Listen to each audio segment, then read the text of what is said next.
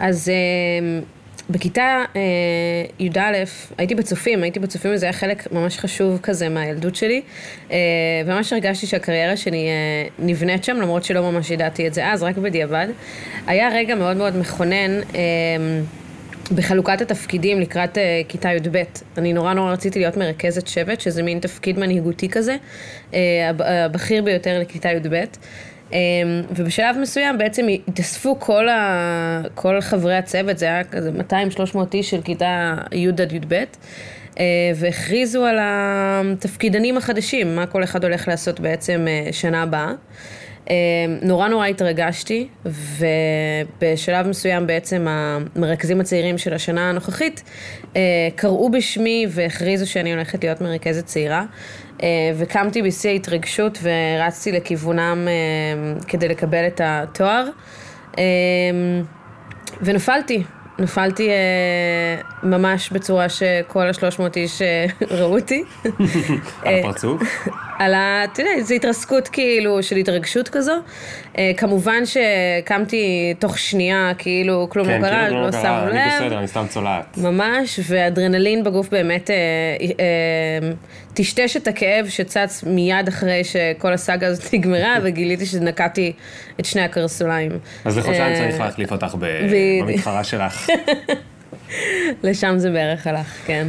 טוב, אה, אז איזה כיף שאת איתי פה, ניצן. אה, ניצן כהן הרזי, או יותר נכון, כהן ארזי, ולא כהן הרזי. יצא לי מצחיק, אני אף פעם לא יודע איך אומרים את השם הזה. אה, טוב שבאת, ואת תספרי לנו איך הגעת להיות בעלים של סטארט-אפ, שותפה בג'ולט, וגם לעשות המון תפקידים משונים ומעניינים, ובעצם מיליון מהם כאן בתוך החברה, אבל גם מה, מה עשית בעצם אה, לפני. אני חושב שאת אה, דמות סופר מעניינת, כי אה, אחד מהבעיות, אני מניח, של אנשים שמכירים אותך, זה שהם שואלים מה בדיוק את עושה, והם לא יודעים לענות. למרות שמי שנמצא כאן בחברה יודע שאת אחראית על איזה 900 דברים, אז זה מין כזה מתח מעצבן בין, אני עושה מלא דברים, אבל אין לי טייטל. אה, אז כאן אנחנו קוראים לך לפעמים CRO, ופעם היית אה, COO, אולי את גם, וגם עדיין אני לא יודע, כי לא לא עדכנו אותי. אה, טוב, אז תספרי לנו על כל זה, בסדר? נתחיל בעוד. שנייה. Yeah. Boom, boom, boom, boom. One time. Ring the alarm, hot ass nigga. Big ass head so my dreams get bigger. Make campaign songs so my flows get sicker. Confidence bigger than a drunk ass nigga. קורה, ניצן? כיף, כיף להיות פה, סוף כן, סוף, זה סוף כבוד סוף. גדול. זהו, אז קצת נעלבת שלא הזמנתי אותך עד כן, עכשיו? כן. כאילו, אני רואה הרבה אנשים, אני כזה, אוקיי, אולי אני צריכה לעבור כיסא יותר קרוב במשרד ויותר קרוב, ועד שתשים לב ש... זהו. אז אני הרגשתי את זה ב... את יודעת, ב... בש... בלא שיתופי פעולה, ב... בעבודה בינינו, הרגשתי לפעמים את המתח הזה, Mm. שכאילו את אולי מכניסה לי על משהו ולא ידעתי מה, ועכשיו כאילו, אחרי הפרק נראה אם זה יעבור. רק פודקאסט היה חסר לי, ב- בארסנל. אה, אז תגידי, מה עשית אחרי הצופים? באמת נתנו לך להיות מרכזת שבט? כן. זה תפקיד נורא רציני. כן, זה נורא ב- אחראי. בדיעבד, זה כאילו הקטע הזה של גיל 18, קצת כמו בצבא, שאם עכשיו היו אומרים לנו להתגייס, בחיים לא היינו עושים את זה, כי אנחנו כאילו שקולים. מדי, וכאילו זה מסוכן, וזה, יש בזה מלא אלמנטים פוליטיים, וכאילו, זה כאילו עם מלא אג'נדה, אבל בגיל 18... אתה עוד לא ממש יודע, אז אתה עושה מה שאומרים לך, וזה קצת כמו שזה היה בצופים. גם עבדנו נורא נורא קשה, כל ה... כאילו כל התיכון, י' עד י"ב, ממש תפקידים רציניים, וגם קיבלנו על זה אפס שקל. כאילו, זה גרם לי בעצם לא להתחיל לעבוד עד אחרי הצבא, כי כאילו היינו בעצם ממש ממש ממש קוראים את התחת יום ולילה שם בשבט, ו... וזה היה עבודה רצינית ומלאת אחריות ללא תשלום. כן, אמ, אבל זה לא רק ללא התשלום, זה גם מלא ילדים קטנים שנופלים בטיול, והם כן. עלולים, אה, עלולים לקרות להם דברים, ו... ואת גם איכשהו אחראית, גם את, אבל גם עד רמת המדריך, על החינוך שלהם, על התרבות שלהם, על מלא דברים, את יודעת. ממש. כאילו- כן, זה באמת, בדיעבד זה אחריות ענקית שנותנים ל teenagers. אמ, איך את מסבירה את זה? אנחנו כאילו פה עוברים סיוט עד שאנחנו בוחרים מישהו לאיזשהו תפקיד, נכון. ועוד משלמים לו על זה, ועוד יש לו כנראה את זה בקורות וגם- חיים, ושם נותנים את זה כן, לילד וגם- 17. וגם פה אנחנו בוחנים טוב טוב את מי הולך להיות המדריך, ה instructor, ו- וגם אה, לקבל את הזכות בעצם אה, לחנך וללמד. אה, יש בזה משהו שקשור לתנועה. כאילו התנועה, תנועת הצופים, או אה, האלמנטים האלה שבעצם מכניסים קבוצה מסוימת אה, להיות מונעים לאותו כיוון, מכניס אותך לתוך השיח, מכניס אותך לתוך הערכים, לתוך המוסר של הצופים, אה, ויש שם איזושהי מערכת תמיכה שעוזרת מאוד כן להפוך להיות אנשי חינוך. אני לא אגיד שכולם היו מדריכים באותה רמה, וכל קבוצה קיבלה מדריך בעצם אה, חדור מוטיבציה ומלא שליחות, אבל אה, מי שכן רצה, הייתה לו הזדמנות באמת להשפיע ממש על חיים של ילדים קטנים. כן. באמת יש בזה הרבה חוסר היגיון, בזה שקיבלתי בכיתה י' קבוצה של 24 ילדים בכיתה ה', שפגשתי אותם פעמיים בשבוע ועוד בטיולים ו overnight, וכאילו דברים הזויים, ואיך ההורים שלהם בכלל הסכימו לעשות דבר כזה, ש... שבראש כל הדבר הזה עמדו שני ילדים בני 21. את יודעת, אני חושב ש... כאילו אם באמת מדברים על uh, ההבדל בין להיות מנהלת לבין להיות משהו בצופים, אז משהו שכאילו בעבודה אנחנו עושים אולי הרבה יותר, זה מין ה... ה אנחנו מאוד hands on על המשימות של מי שאצלנו בצוות, ואיך הוא עושה כל דבר, ושזה יהיה מושלם, ושזה יהיה בול. הצד השני של זה, זה שיש לו פחות אוטונומיה. עכשיו, בצופים, גם אני זוכר, גם אני הייתי מדריך, אז אתה מקבל המון אוטונומיה, כאילו אומרים לך, טוב, תכין את הפעולות, וזה, והצד השני של זה, זה שאתה פתאום מרגיש מלא מלא אחריות. נכון. אז אתה מתאמץ גם מתוך זה שאתה אומר, כאילו, אני לא, אני חייב לעשות משהו טוב, כי, כי אף אחד לא בודק אותי, ו, ואני מקווה שהילדים לא, הרי הילדים יכולים בכל שלב בפעולה לקום וללכת, נכון. זה נורא מלחיץ. נכון, יש בזה, אני חושבת שזה מאוד מאוד מתקשר, כאילו, להבדל בין ניהול למנהיגות. אה, ניהול זה מתוקף הטייטל, מתוקף הסמכות, ומנהיגות אה, לא קשורה בסמכות. כלומר, לא היה לי אף פעם סמכות אמיתית על האנשים, חוץ משהיה לי, היה לי שם. אה, כולם יכלו לקום וללכת, גם החניכים וגם אחר כך ש, שהייתי אחראית על מדריכים, גם הם. לא היה לי בעצם אף פעם שום עונש אמיתי שאני יכולה לתת, לא יכולתי לפטר אף אחד, לא יכולתי להעניש אף אחד, לא יכולתי לקחת מהם את המשכורת שלא הייתה להם. אה, וזה הכריח אותי, ואת כל מי שעבד איתי בעצם, לשים דגש מאוד גדול על המנהיגות. כאילו, איך אנחנו מצליחים להניע אנשים בלי סמכות. כן. Uh, ואני חושבת היום, בדיעבד, כשאני גם רואה את ההתנהלות בתוך ג'ולט, שהקישור אולי הכי משמעותי שצריך, לאו דווקא בתור מנהל, הוא בדיוק זה, הוא היכולת להניע אנשים ולרתום אנשים לתוך הרעיון שלך, לתוך הסיפור שלך, uh, לאו דווקא עם סמכות, לאו כן. דווקא מתוך המקום של סמכות. כן, ואני חושב שזה עוד יותר נכון בדור של היום. כי הדור של היום הוא פחות אה, מוכן אה, לקבל סמכות, הוא לא כל אה, אחד שהולך וכל בוס או בוסית אומרים לו מה לעשות, הוא מוכן לקבל את זה, אם מעצבנים אותו קצת יותר מדי, הוא אומר כאילו ביי, אני עף מפה, אני, אני מוכן לסבול להיות מובטל ובגיל יותר צעיר אפילו לחזור להורים כדי שלא אה, אה, ישתלטו עליי, אז כאילו זה דור שגדל לתוך, אז זה אנחנו, אנחנו גדלנו לתוך מקום שאנחנו באמת... הרבה יותר כדאי שינהיגו אותנו מאשר שינהלו אותנו, כי אנחנו מתעצבנים נכון. בקלות. נכון, אני חושבת שזה מאוד ישראלי גם, אבל זה גם עניין דורי כאילו בינלאומי לדעתי, אבל זה עוד יותר נכון ישראל, ב- בישראל, אולי בגלל הצבא, שכאילו חווינו צלקת מאוד משמעותית שבה ממש אומרים לנו לעשות רק מתוקף סמכות, ולא היה לנו מושג הרבה פעמים בצבא למה אנחנו עושים את מה שאנחנו עושים, זה אחד ה... זה אחת הדרכים הכי טובות ליצור דיסציפלין, כאילו ליצור uh, משמעת, לא להסביר לבן אדם למה הוא עושה את זה. אמ, ושם באמת גם היו סנקציות מאוד מפחידות, אז עשינו מה שאמרו לנו, אבל כן. מאז יש לנו קצת צלקת מזה, ואני חושבת שזה מאוד קשור ללמה באמת אה, ישראל היא אומה מאוד גדולה של אה, יזמים, כי אנחנו לא אוהבים שאומרים לנו מה לעשות. ובאנו עם הצלקת מהצבא. הענישו אותך פעם בצבא? כן. איפה היית? אה, הייתי בנ"מ, הייתי מדריכת פטריוט. אמ, אבל אני אגיד שהשיטת האנשה הכי יצירתית שקיבלתי בחיים, היא כשעברתי לגור בשוויץ, והייתי קטנה, הייתי ביסודי, ופה בבית ספר... עברת לבד כאילו, שההורים שלך גם באו? עם המשפחה, עם המשפחה, וזה היה מעבר קשה, כי זה היה... בעיקר פשוט הייתי צריכה ללמוד אנגלית מהיום להיום, אז זה היה בית ספר בינלאומי. אמ, ונחשבתי שם לילדה מופרעת. עכשיו, בכיתה א'-ב' פה בארץ, ממש לא הייתי מופרעת, הייתי ממש רגילה ודי חנונית אפילו, אבל ביחס לרמת המשמעת שהיה בבית ספר הבינלאומי בשוויץ, כן, ליד ז'נבה, אז, אז הייתי ממש מופרעת. וגם בגלל ששיאמם לי, כי לא הבנתי על מה מדברים. כי לא כן, הבנתי עדיין את כן. השפה. אז זה הגיע למצב שהמורה הבריטית, אה, מיס וול, שהיא כזה הייתה מאוד מאוד אה, מסורתית וזה, הייתה מעניקה לי כל בוקר שלושה paper clips. מהדקי נייר, וכל פעם שהפרעתי, היא הייתה לוקחת לי אחד. אז היו לך 3 strikes. 3 strikes ביום, שזה כאילו די הרבה, כן, זה די הרבה. ואם הייתי, אם הייתה לוקחת לי את האחרון, הייתי מקבלת עונש. מה היה העונש? אה, היה הרבה דרכים אה, להעניש שם, זה יכול להיות יותר שיעורי בית, זה יכול להיות עבודה נוספת, זה יכול אוקיי. להיות לא לגרוף עלים. לא, לא היה שם, לא דברים אוקיי, כאלה. אוקיי. לא, כי בטח 20 שנה קודם כן היה. כן, סביר, המשמעת הייתה כאילו outstanding, אה, זה היה מאוד מאוד מרשים, ואז כמובן שאכלתי את כל החרא כשחזרתי לארץ, בזה שבאתי too חנונית, כאילו, ממש לקח לי הרבה מאוד זמן להשתלב חזרה לתוך ההיסטריה הישראלית. ובצבא איך היית? הענישו אותך או שאת הענשת אחרים? אין, אה, בקורס הענישו אותי. תראה, בכל מקום לקח לי רגע עד שאני הפכתי להיות זאת שמענישה. כן. צריך להתחיל כאילו איפשהו.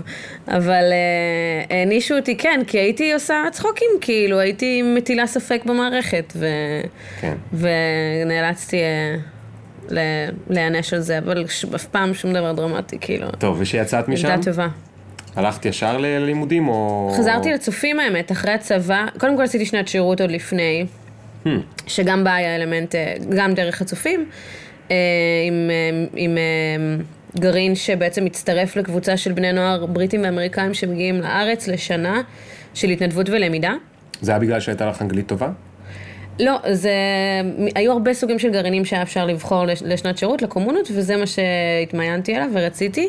תכלס נורא עניין אותי תמיד יהודי התפוצות, אה, והייתי בטוחה שאני הולכת להיות שגרירה, אז כאילו זה היה כזה תחילת הקריירה הזאת. אוקיי. אה, אז התקבלתי לזה וזה היה נורא נורא נחמד. רגע, היינו- איפה רצית להיות שגרירה? רציתי לטייל בעולם, וכאילו... אה, כל פעם נהיה אה, שגרירה כן, במקום אחר, כן. וזה. כאילו, כן. שבועיים בפריז? רציתי מקומות מגניבים, כזה אפריקה וכאלה. כן. אמ, אז, אז אה, זה היה איזה 350 חבר'ה בריטים אמריקאים שבאים לפני קולג' לפה, מתנדבים, לומדים, ואנחנו גרנו איתם ממש בדירות, כאילו. גרתי בשכונת התקווה. אה, זה היה ממש הארדקור, אה, אבל מאוד מעניין, וגם שם היה אלמנט של הדרכה, כי אנחנו עבור האמריקאים הבאנו את הקשר באמת לישראל, את הישראלי אקספיריאנס, כאילו הם היו באים אלינו לחגים, היינו עושים טקס רבין, אה, טיולים, אה, כל מיני כאילו... תוספת על התוכנית הרגילה שהייתה להם. וזה גם היה איזושהי פעם ראשונה של כאילו באמת להיחשף ל- להסברה ולייצג את ישראל, כאילו, כן. משהו שאני מאוד אוהבת לעשות וחזר אחר כך מכיוון אחר. אז אחרי הצבא הלכת לצופים. אחרי הצבא חזרתי לעבוד בצופים בתור מזכירה. וואו, מה זה אומר? היה בי מין צורך כזה, לא, כאילו ממש לעשות דיי ג'וב פשוט. כאילו, אה, הרבה פעמים, דרך אגב, מאז בקריירה רציתי לפרוש ולהיות קופאית. אה, כאילו לא לקחת את העבודה הביתה. אבל הייתי בצופים, אה, אמרתי, יאללה, אני אעשה משהו שכזה, אני יכולה ללכת לפילאטיס בשש וחצי בערב, וכאילו אני אגור בחזרה הבית של ההורים, יהיה לי נוח. אה, אבל, אה, כי, כי בצופים, אם עושים תפקיד אחר, זה חייב להיות כאילו 24-7, 24/7, כן. כן. אה, אז הבטחתי לעצמי שזה מה שאני אעשה, ותוך כמה חודשים כמובן שפה הלכתי לך. להדריך, ושם החלפתי את המרכז הזה, וכאן יצאתי לטיול, אם אני כבר שם, וכאלה. עד המחנה קיץ ב- בסוף השנה כבר אה, הייתי בצוות הנהגה והייתי שם כאילו עשרה ימים ביער. אה, אבל זאת הייתה בעצם העבודה הראשונה שלי, כאילו שהרווחתי עליה כסף, וזה היה אה, נחמד אולי מבחינת חינוך כאילו לקריירה, אבל זה לא היה ממש חכם כלכלית, אה, כי לא, לא ממש עבדתי לפני. אה, זהו, ואז אחרי הצופים, אה, כולם התארגנו על הטיול הגדול, כן. ולא היה בי צורך כאילו לעשות את זה, לא הרגשתי כאילו רעב ענק ל... ל... ל... to explore את העולם, אז אה, אמרתי, באמת... כאילו אמרת, אלא בתור שגרירה. אם כן. תשלמו לי, לא אני אשלם. הרגשתי שזה יבוא, כאילו הצורך הזה מתישהו, ושאני עוד אטייל, אבל לא היה לי דחוף עכשיו טיול גדול. אה, וממש בלהט של איזשהו רגע, פשוט נרשמתי לבינתחומי ביום האחרון שהיה אפשר להירשם. מצאתי את התואר שהיה אפשר להירשם אליו בלי פסיכומטרי, שזה היה תקשורת, וזה גם די עניין אותי כאילו כמשהו כללי כזה. והתחלתי ללמוד ממש, אה, ממש מהר, כאילו שנה אחרי, בדיוק שנה אחרי השחרור. ולא העסיק אותך בכלל העניין הזה שכאילו את לא חשבת יותר מדי על מה את רוצה ללמוד וכל זה? כאילו זה הטריד אותך? היו לך מחשבות, אני במקום הנכון, אני לא במקום הנכון? אה, אף פעם לא חשבתי שזה כאילו יחרוץ את גורלי, מה אני אלמד. אה, וגם באמת הלכתי לתואר שהוא לא אה, מגדיר את מה אני בהכרח צריכה לעשות, כאילו, לא למדתי להיות רואת חשבון ולא למדתי להיות רופאה. כן. וגם ידעתי שאני לא רוצה ללמוד יותר מדי זמן, כי לא ממש אהבתי לעשות את זה אף פעם. אה, אז זה תואר יחסית, לא, לא מהמאתגרים שיש בישראל, והוא לוקח שלוש שנים. ותכלס רציתי להיות בבינתחומי, כי זה נראה לי שיש שם הזדמנויות אחרות שמעניינות מחוץ לכיתה. אז זה היה יותר בקטע של, אה, טוב, צריך תואר, נעשה תואר, נסיים איתו, ונראה מה, מה מאיפה הגיע יקפוץ צריך בדרך. תואר? מהבית או מהסביבה? אמ, נראה לי שגם וגם. זה כאילו היה מין מסלול אה, שהוא לא היה questionable כמו היום, וכולה לא עבר הרבה מאוד זמן, אבל כן. אה, אז הרגיש לי עדיין יותר, יותר ברור שזה משהו שאני צריכה לעשות. כנראה מהבית. כן, כן. אמ, בלימודים עצמם, אז מה עשית חוץ מה... כאילו, מהלימודים עצמם?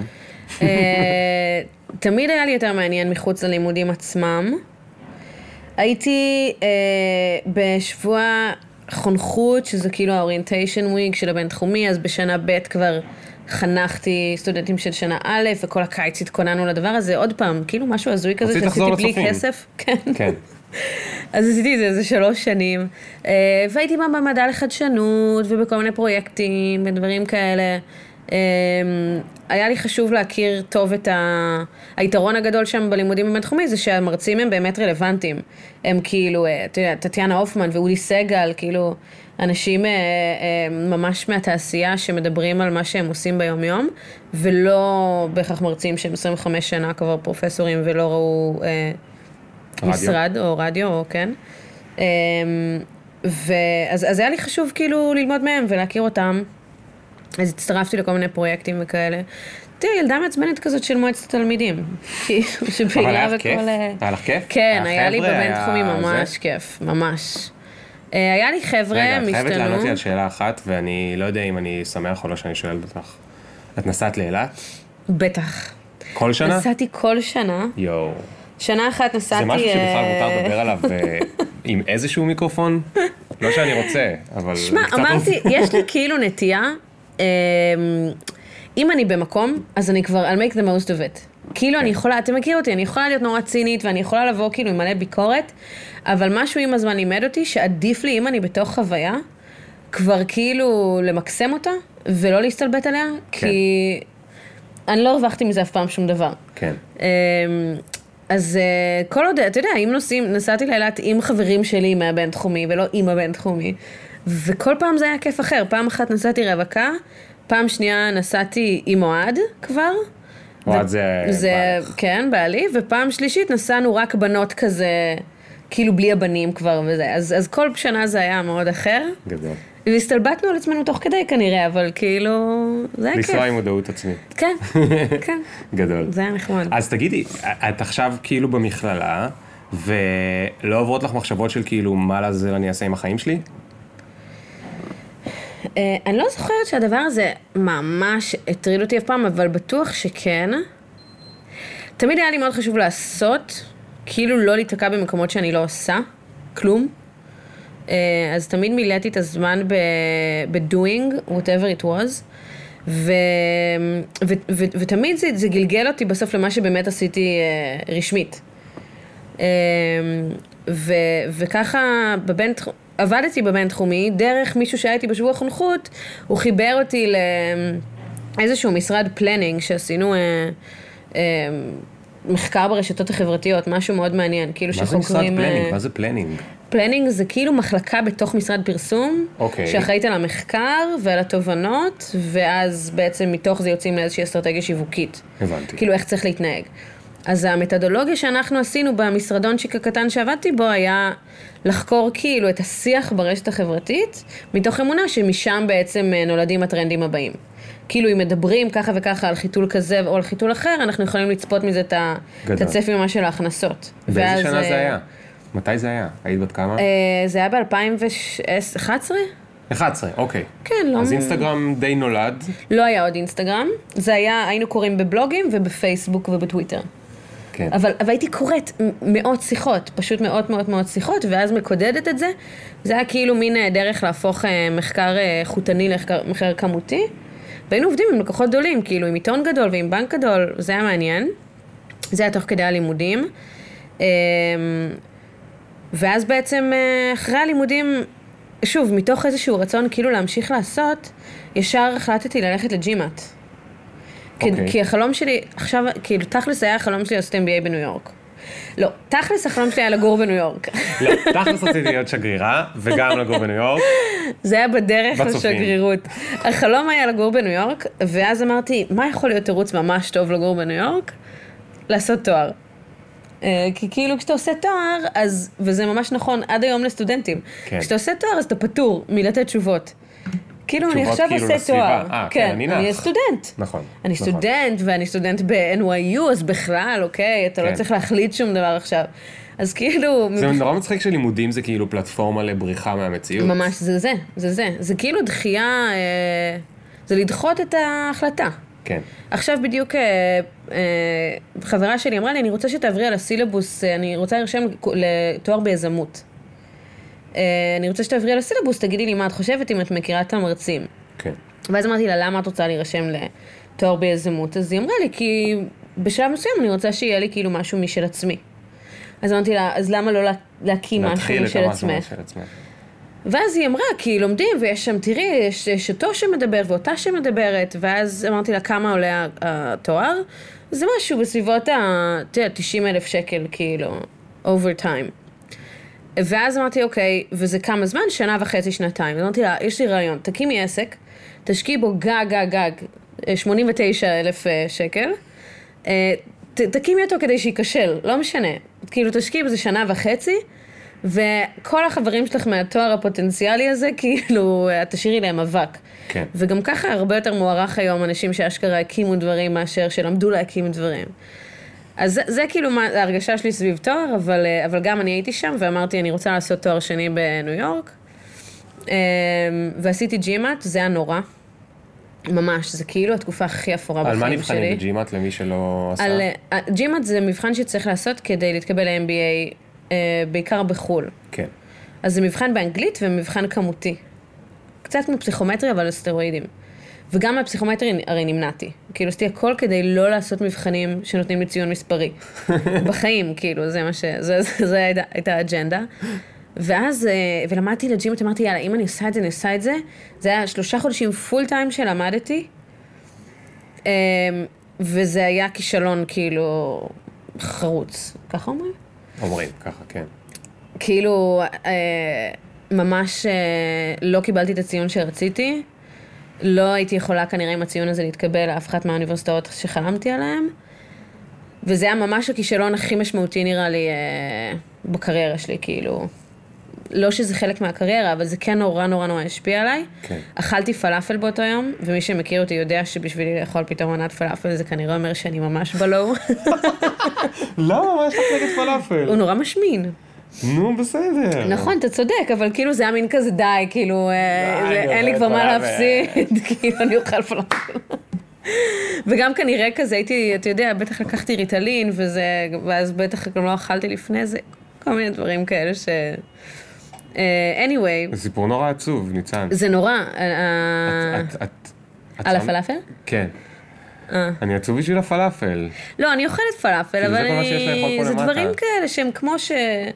יש אנשים את דתיים. יודעת, יש... אה, את- היית אומרת, אני יורדת על גלידה, אני... גלידה זה. מדהים, אין לי בעיה לאכול גלידה. אה, כי כאילו גלידה יש בה משהו הרבה יותר תמים ומשמח. נכון, לפעמים גם יש בה זה גם. האוכל האהוב עליי. נגיד, אה, לא מזמן לא אכלתי Chunky Monkey. של אה, Ben & Jerry's, אז יש שם באמצע אגוזים. בננה, אגוזים, זה בריא. זה נורא בריא, זה נורא נכון. בריא, למרות שהאגוזים שם לא טעימים, הוצאתי אותם בשביל מנקי, אבל בגדול, אם הייתי רוצה, יכולתי גלידה להבריא כאילו, אתה. יודע, זה מהדברים האלה שאתה לא יכול להאמין שהוא באמת עושה לך משהו רע בגוף, כי הוא כל כך חיובי, כאילו, והוא... נכון. אז ככה אני על פלאפל. על פלאפל?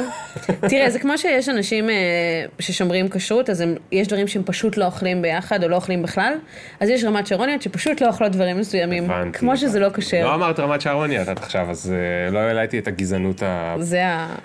איך אומרים את זה זה אפילו? הסריטה. פריפריאלית. אמ, אז מה מה עשית עם הכישלון החרוץ, ומה אוהד אמר על זה? אמ, אה, אני חושבת שהוא חיבק ותמך, כאילו לא היה... מה, מה שקרה. בקטע של הצומת, אתה יודע, כל החיים אצלי מחולקים ואצל כולם, אני סתם מסתכלת על זה ככה לצמתים. ומה שקרה בצומת הזאת של הג'ימאט זה שיום לפני, או יומיים לפני הג'ימאט, כשלמדתי והייתי כזה ב... בזון, קיבלתי מייל אה, שמציג אותי, מייל מהפרופסור כאילו בבינתחומי, אה, דוקטור אורן צוקרמן, אה, שניהל את המעבדה לחדשנות, והוא הציג אותי לעדן שוחט.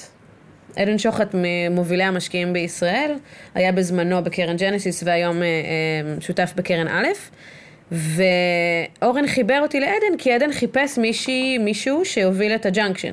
שה Junction הוא האקסלרטור הראשון בעצם שנפתח אז בישראל. מאיץ סטארט-אפים. מאיץ, אה, מאיץ סטארט-אפים. וקיבלתי את האינטרו הזה, שבכלל לא ידעתי מה זה אינטרו, לא הבנתי למה הם מדברים באנגלית, כאילו במיילים, כשבעצם זה היה אורן ועדן, אז כאילו למה אתם כותבים באנגלית? Uh, בפגישה שבאתי לפגוש את עדן, גם באתי לדבר איתו באנגלית, כי כאילו חשבתי שאה, הוא כנראה לא מבין עברית.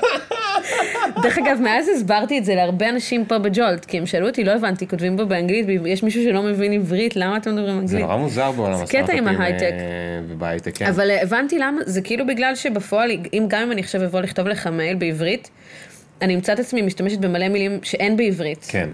ואז או שאני כותבת בעברית עילגת כזאת, או שאני גם ככה שמה אנגלית, ואז לפעמים כבר פשוט... כן, ה engagement שלנו לא ויראלי, אז כן, אם אתה יכול להעלות כן, את ה conversion, להביא את הלידים. exactly. אז, אה, אז קיבלתי את החיבור הזה בין שני האנשים המעניינים. אבל למה הוא היה כל כך kind לחבר אותך? כי אה, אני, כשהייתי בבינתחומי בשנה ג', עבדתי עם אורן על הפרויקט שנה ג', שזה קצת כמו סטארט-אפ בתנאי מעבדה. זה כאילו פרויקט שעושים במשך שנה עם צוות מסוים מה, מהמסלול, ואני כאילו הובלתי את הצוות. זה היה התפקיד שנתנו לי. כן.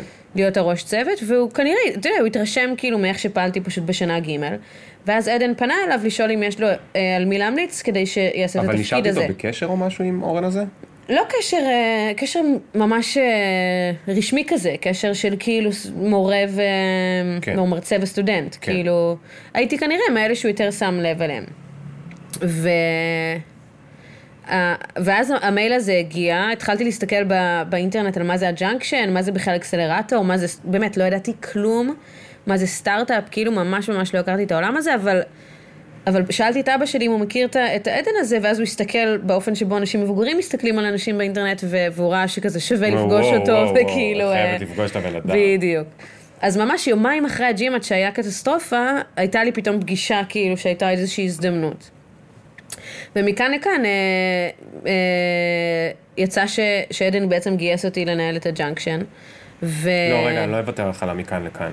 מה, 아, אה, מה, היה, אז... איך הקסמת אותו? כאילו, מה עשית שם? האמת שצריך אה, צריך לשאול אותו, אני, אני חושבת ש... הייתי כאילו אול-אינרית כזאת. הוא ידע שאני לא ממש מבינה כאילו על מה הוא מדבר איתי.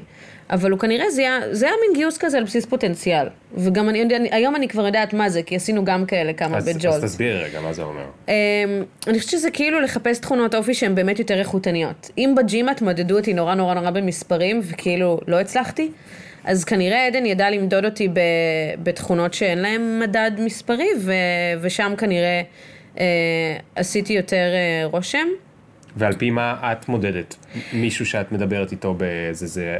כאילו... אני חושבת שזה באמת המעבר, כאילו, אם מישהו מספר לי את הסיפור חיים, ובכל פרק בחיים יש איזשהו אקסטרה, אם זה להיות בחונכות, או להיות בצופים, או אם אני כבר בצופים, אז אני אהיה ב, אה, בתפקיד אה, מפתח, או אפילו כשהייתי ב... ב, ב ת, אה, מארחת בגוצ'ה בתפקיד הסטודנטיאלי היחיד שהיה לי אי פעם במשך שנה, אז כאילו הייתי רב מארחות. כאילו, באתי להיות מארחת, ואז הייתי אחראית פתאום על כל המערכות, לא היה דבר כזה קודם, אבל פתאום הם הבינו שזה כאילו הזדמנות, ואז נתנו לי את הטייטל השטותי הזה, אבל זה כאילו מראה על איזשהו בן אדם שנותן אקסטרה וחושב מעבר, ובאמת מתמסר, והוא מערכתי ולויאלי. זה מה שאני מחפשת אה, גם כשאני מסתכלת על מועמדים. אנשים שיש משהו שאכפת להם ממנו, אז הם גם עשו עם זה משהו. אה, אז הוא כנראה מצא את זה גם בך. כן, אני, אני, אני מחפשת אנשים שאני יכולה ללמוד מהם. וזה הפחיד אותך?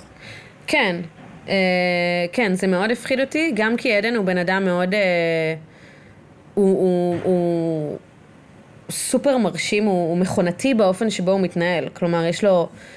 כמעט כמוך, יש לו סדר יום מאוד מאוד מאוד אה, אה, דקדקני, מה הוא עושה כל שעה, והוא יעיל בצורה יוצאת דופן.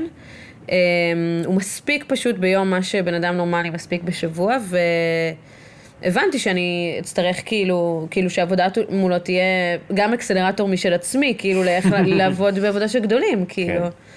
אה, אבל היה לי ברור שזו הזדמנות שאני לא יכולה לסרב לה, פגשתי את עדן, פגשתי עוד שניים שלושה שותפים בקרן Genesis שאז החזיק את ה Junction ומצאתי את עצמי אה, מנהלת את ה Junction. אני זוכרת שעדן אמר לי שהייתי כאילו לבושה יפה מדי בריאיון, אה, לא בקטע...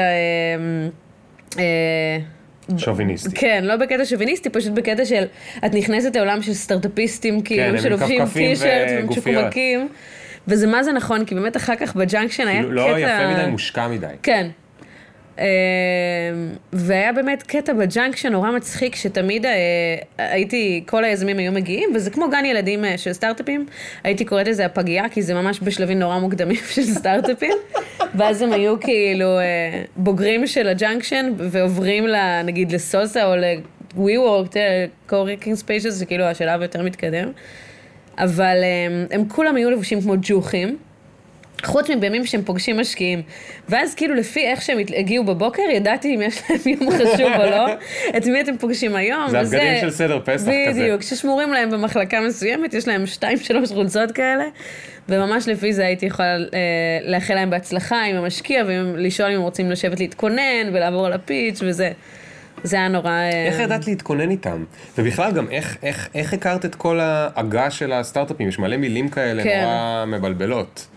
אמ, היה לי פה אלמנט של מזל, אני חושבת שהוא תפקיד, חשוב, יש לזה תפקיד חשוב בחיינו. מזל. אה, כן, כן. אה, נכנסתי כאילו באמצע מחזור, אה, באמצע מחזור של ה Junction, ה Junc, יש להם, אה, המחזורים הם שלושה חודשים, ואני נכנסתי נגיד אחרי חודש וחצי.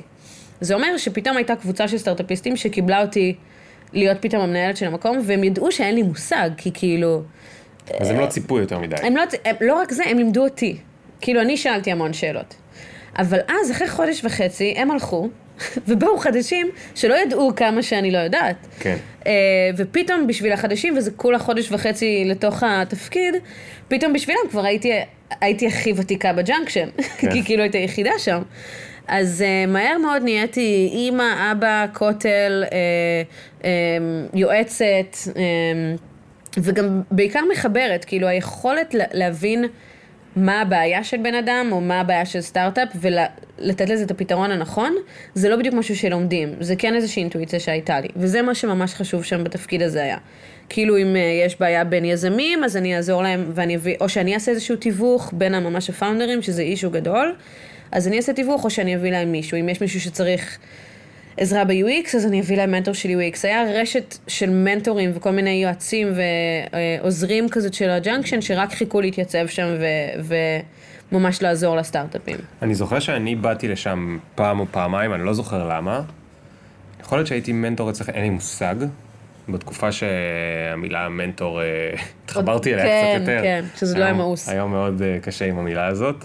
אבל uh, דיברתי איתך איזה פעמיים, וזה היה נראה כאילו את באמת הכי מבינה פה בעולם. זאת אומרת, אם באותו רגע שאלו אותי, אני לא יודע באיזה שלב פגשתי אותך, אבל יכול להיות שבפעם הראשונה, נגיד, הייתי יחסית בשלבים המוקדמים, אבל אם היו שואלים אותי כאילו, מה הרקע של ניצן, הייתי אומר, טוב, היא פתחה איזה שני סטארט-אפים, סגרה אותם, כנראה שיאמם לה, אין לה מה לעשות, אז היא באה לפה ל... כן. כאילו... כאילו, מה שרציתי לשאול אותך זה, טוב, זה מצחיק, זה כמו בבולשיט שאנשים, יזמים אה, אומרים, אבל המשפט סלאש קלישאה סלאש אמת, אה, fake it till you make it, מה את חושבת עליו? אני ממש uh, בעד. צריך להיזהר עם זה, כאילו, זה לא משהו שאפשר... Uh, לא הייתי uh, uh, מטיסה מטוס ב, עם המתודולוגיה הזאת, אבל uh, אני די מהר הבנתי שבעולמות של סטארט-אפים אין חוקים. וזה החוק, כאילו אם הייתי כותבת ספר על החוקים של סטארט-אפים, היה בו עמוד אחד והיה כתוב בו אין חוקים. וכל מה שאומרים לכם, אה, קחו את זה בחשבון, תכניסו את זה לאיזושהי משוואה, ובסוף התוצאה כאילו היא, היא צריכה להיות מורכבת מהרבה דברים, מההחלטה שלכם, וגם הרבה מהדברים צריכים להיות קשורים למה אתה רוצה בתור יזם. כאילו לא מפנים לזה בכלל מספיק מקום. אז אה, זה די מהר הבנתי, איך מבינים את זה? כי אני מביאה שלושה מנטורים בשבוע, אני קולטת שכל אחד מבלבל את הסטארט-אפים לכיוון אחר, אבל הוא ממש סגור על עצמו. בצורה שישראלים יודעים לעשות, אה, ועוד אחד שבא לספר על הסיפור הצלחה שלו, ואז עם כל שבוע אני מביאה אה, את זה שמכר את זה לחברה הזאת, ואת זה שעשה את האקזיט לחברה הזאת, ואני פשוט שומעת שהסיפורים כל כך שונים, כל כך לא אה, קונסיסטנטיים, אז כאילו אמרתי, אוקיי, אז אין חוקים. החוקים הם, תמצא שותף טוב, או שניים, אה, תעשה משהו שאתה מתחבר אליו באמת, ואת זה כבר ידעתי להגיד במחזור השני, יש, יש זוג סטארט, אה, זוג חבר'ה שבאו והם עשו אה, אה, מפה לקניון.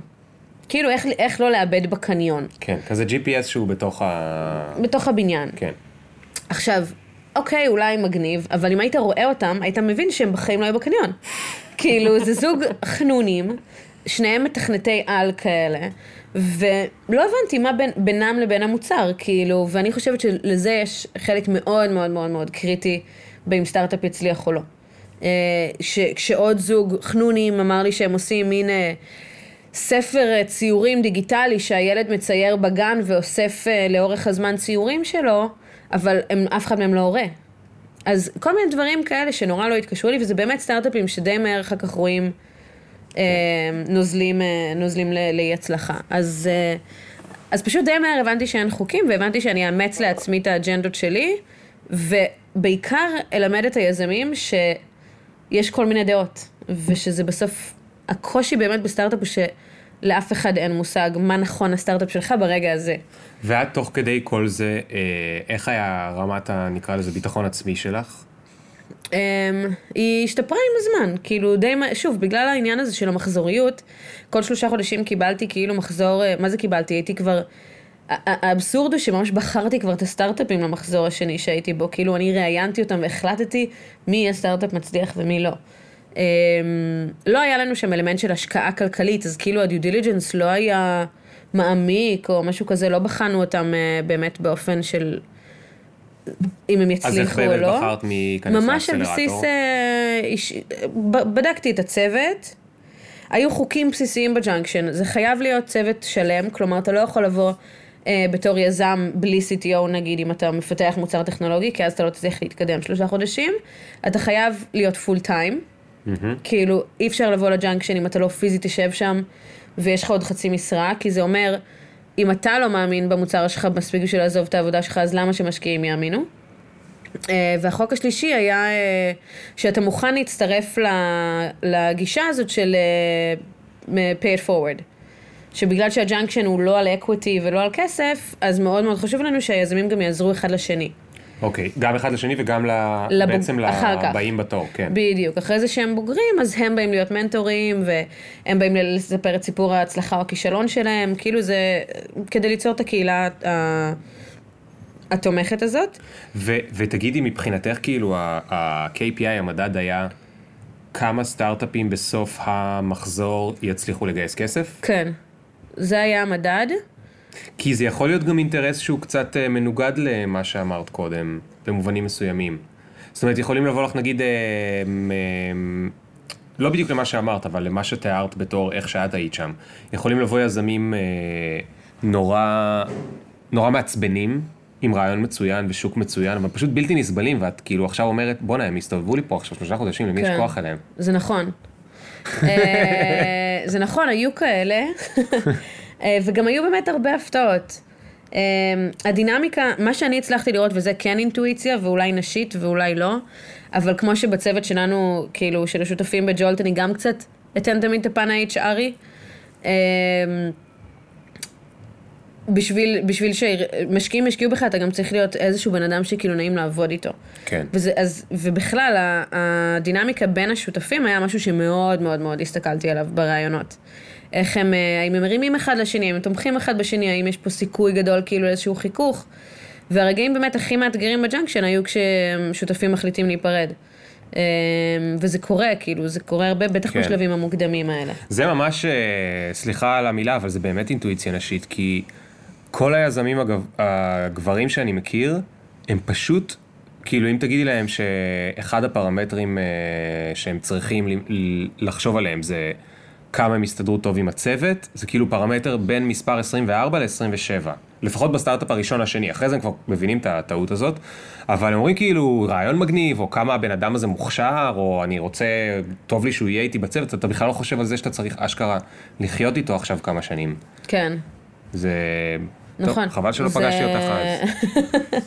זה נורא נכון, זה כן כתוב בספרים של החוקים של הסטארט-אפ, כל ה... נכון, אבל, אבל בספרים יותר מאוחרים הנכון. אגב. נכון, בספרים יותר מאוחרים, נכון, זה בהתחלה לא דיברו על זה.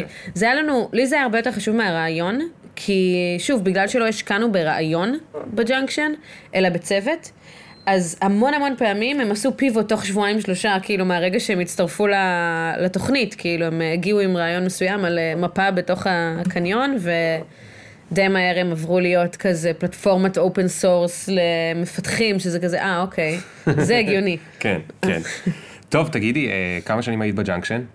שנתיים, Hmm, נראה הרבה יותר. אה, כן, ממש. אה, כי זה מלא מחזורים. מהר בדיוק, נכון, זה מלא ארבעה- היו מחזורים. שמונה מחזורים, שמונה וחצי הייתי, כזה. כן, הייתי שמונה מחזורים, וגם די מהר עדן עזב את הג'אנקשן, ועדן היה כאילו ממש הפנים של המקום עד שהוא עזב, והוא היה ממש הרוח במפרשים של המקום הזה, ובעצם זה שכאילו הגה את כל הרעיון. ברגע שהוא עזב זה היה מאוד, זה היה crisis כאילו אה, בשבילי, כי אמרתי, וואו, פתאום אין לי את הבן אדם שמניע וחושב על הרעיונות, וגם באמת מייעל את כל התהליך.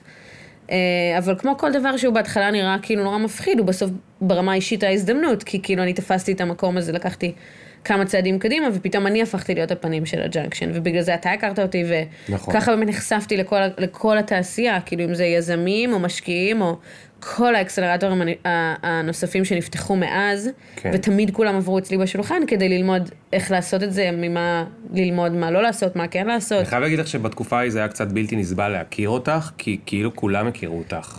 ואז אם הייתי פוגש אותך באיזה מסיבה של WeWork, אז לא היה אפשר לדבר בוא, איתך. ליאור, אתה ככה היום, כאילו, לא, על מה רגע, אתה מדבר? לא- מסתובבים איתך, אתה צריך להוריד את הראש ולשים סומבררו. טוב, נעבור לנושא הבא. אה, אז מה עשית אחרי זה? אמ, אחרי זה, בעצם חלק, מהדבר, חלק מהדברים שנורא אהבתי בג'אנקשן זה שהיה, היו המון משלחות שבאות לארץ לראות את ה startup nation. אה, עד היום יש המון כאלה, כאילו עשרות, ובתקופה ההיא עוד לא היה WeWork ועוד לא היה בכלל co-working spaces וכאלה, אה, והם היו באים לג'אנקשן ממש כמו לספארי, כי זה אחד המקומות היחידים שאפשר לראות חדשנות. כן. אה, למרות שגם לא באמת רואים, הרוב זה הרי דברים בתוך המחשב. נכון, אבל בגלל שהכרחנו את היזמים לשבת שם, ואף פעם לא היית מגיע לג'אנקשן והיה ריק. וזה חלק נורא נורא חשוב, ה buzzing הזה, כאילו. כן, ה... כן היה שם אנרגיות, היית נכנס כן. והיה אנרגיות. היה stock photo של יזמים. כן, ממש, כאילו, כן. sticky אה, notes, ויש לוחות. ולוחות מחיקים, ומלא כבלים, ובמבות. ואז ו- כזה המשלחת יוצאת ואתה אומר, חבר'ה, אתם יכולים לחזור ל... לגמרי. שמתי ממש שלט, אה, do not feed the entrepreneurs, כאילו זה היה, היו מלא מלא מלא משלחות אה, של פוליטיקאים ואנשי עסקים וכאילו דיפלומטים, ואז זה כאילו חזר לי לעולם השגרירות שרציתי, כי פתאום מצאתי את עצמי אה, נותנת את ה pitch של ה startup nation. וזה נורא נורא ציוני, כאילו זה נורא לספר על ישראל וכמה היא מדהימה, אבל בלי קשר לפוליטיקה. כן. באמת משהו שאנחנו עושים טוב. אז, אה, אז נורא נורא הייתי גאה תמיד, והיה לי כזה את המצגת שלי של החמישה אה, מרכיבים אה, למתכון המנצח של כאילו אומת אה, איך תהיו גם אתם חדשנות. startup nation? כן, כל פעם שכאילו תקימו הייתי צבא עושה, חובה. בדיוק, תקימו צבא, תעשו מלא מלחמות. אה, תפתחו מלא נשקים כדי כן, לנצח זה כאילו... במלחמות. תרגלו אחרי תעשו כל ש- השכנים תעשו שיהיה שלכם. נורא נורא נורא לא נוח, ומתוך אי נוחות צומחת כאילו חדשנות. אז אה, בארצות הברית כאילו ממש הולכת לכיוון הזה, אז אה, אז יהיה שם מעניין. בקיצור, אה, אז אחת המשלחות שאירחתי הייתה מדויטשה טלקום, שזה תאגיד אה, תקשורת ענק גרמני. גם הם באו כאילו לרחרח מה קורה פה, מה, מה זה, מה זה startup nation, למה שומעים על זה, למה יש על זה ספרים. אז הם באו וסיפרנו להם על הג'אנקשן, סיפרתי להם על מה אנחנו עושים שם, ובעצם אחרי כמה חודשים הם החליטו שהם רוצים להקים שם פעילות. האמת שאפילו לא ידעתי זה את שם? זה. בישראל? בישראל, סליחה. אה, להקים בישראל פעילות. לא היה לי מושג שהם עושים את זה, כאילו הם... אה, אף אחד לא חשב שאני אעזוב את הג'אנקשן, כי כאילו שנתיים זה עוד לא המון המון המון זמן. אה, אבל אה, מה שבאותו יום, אה, כאילו ביום מסוים שם עליתי לסוסה, שזה הרי נמצא באותו בניין בדרום תל אביב, וראיתי את הבחור הזה מדויטשה טלקום, שאז בא לבקר אותי, ואמרתי לו, מה, מה קורה, מה אתה עושה פה? אז הוא אמר לי, אני, אני מראיין פה אנשים. ואז אמרתי, אה, אוקיי, דבר איתי. ואז יצא שכאילו באותו יום הוא ראיין אותי, אחרי שהוא כבר ראיין באמת עשרות מועמדים לתפקיד. איזה תפקיד? הוא קבע איתי, אז זה היה תפקיד של כאילו להיות ה-first man on the ground עבור דויטשה טלקום בהשקעות בארץ. בהשקעות uh, צעירות, אוקיי, אז כאילו להיות של הישראלי early stage. שאחראי על מה שהם מקימים פה. בדיוק. אה, אז כאילו עקפתי כזה את התואר, ו... אוקיי. רגע, אבל איך חשבת כל כך מהר? כי הייתי את כבר כאילו ראית כזה... הזדמנות ואת ישר קפצת עליה, או שלפני זה כן. היו לך אולי מחשבות כבר... אה, יכול להיות שהיו לי כבר? מחשבות הלאה, כי כאילו בג'אנקשן באמת הייתה מחזוריות, בסוף כאילו יש גבול לכמה מחזורים אפשר לעשות, כן. גם עם כל אחד אחר ועם יזמים אחרים וסטארט-אפים אחרים, אה, יש בזה איזשהו אלמנט של מיצוי, וגם אה, הרגשתי כאילו שאני מוכנה לעבור לעולם קצת של יותר השקעות, כאילו יותר התעסקות בהשקעות. אה, אז ממש פגשתי אותו באותו ערב באיזה שש בערב, ותוך כמה ימים כאילו אה, סגרנו שאני וואו. הבן אדם. בת כמה היית? אה, ס- אה, 27? 27. אז 27 כן. כבר אחרי שניהלת אקסלרטור, ונכנסת לתחום ההשקעות, זה כאילו, זה תמיד הגדולים שם. ב- כן, זה, זה לא ידעתי את זה, אבל זה, גיליתי את זה רק בדיעבד שיש רק גברים לבנים כזה בתעשייה, כאילו שהם משקיעים. אה, אני חושבת שזה גם מה שהגניב אותם, כי כנראה כל מי שהם ראינו חוץ ממני היה גבר בן 34, אה, ש... אה, יודעת, היה אנליסט איפשהו, וכן, היה קצת באינטל או whatever. ונורא הגניב אותם מהאנרגיות, זה משהו שבתור חברה תאגידית גרמנית גדולה משעממת, נראה להם כאילו מאוד אטרקטיבי, ובלי שום קשר, הם הכירו אותי מאז, כשהם ביקרו בג'אנקשן, אז כאילו היה איזשהו יתרון. אה, אבל, אבל, אבל זה השקעות, הם כאילו צריכים לסמוך עלייך שתהיה לך גם עין טובה, כן, ולא לא תבזבזי היה, את השק- הזמן. זהו, זה עוד וזה. לא היה השקעות. הם גייסו אותי והם לא ממש ידעו עוד מה אנחנו יכולים לעשות. אה, הם אמרו, אנחנו קודם כל פותחים את זה, כן, יש לנו מלא כסף. אולי זה יהיה תוכנית. אולי נעשה גם אקסלרטור, אולי אה, נעשה מין כזה אינקובטור, אולי נביא אותם לגרמניה, כאילו, הם לא ידעו, וזה גם הדליק אותי, אמרתי, אוקיי, כאילו נעשה פה משהו חדש.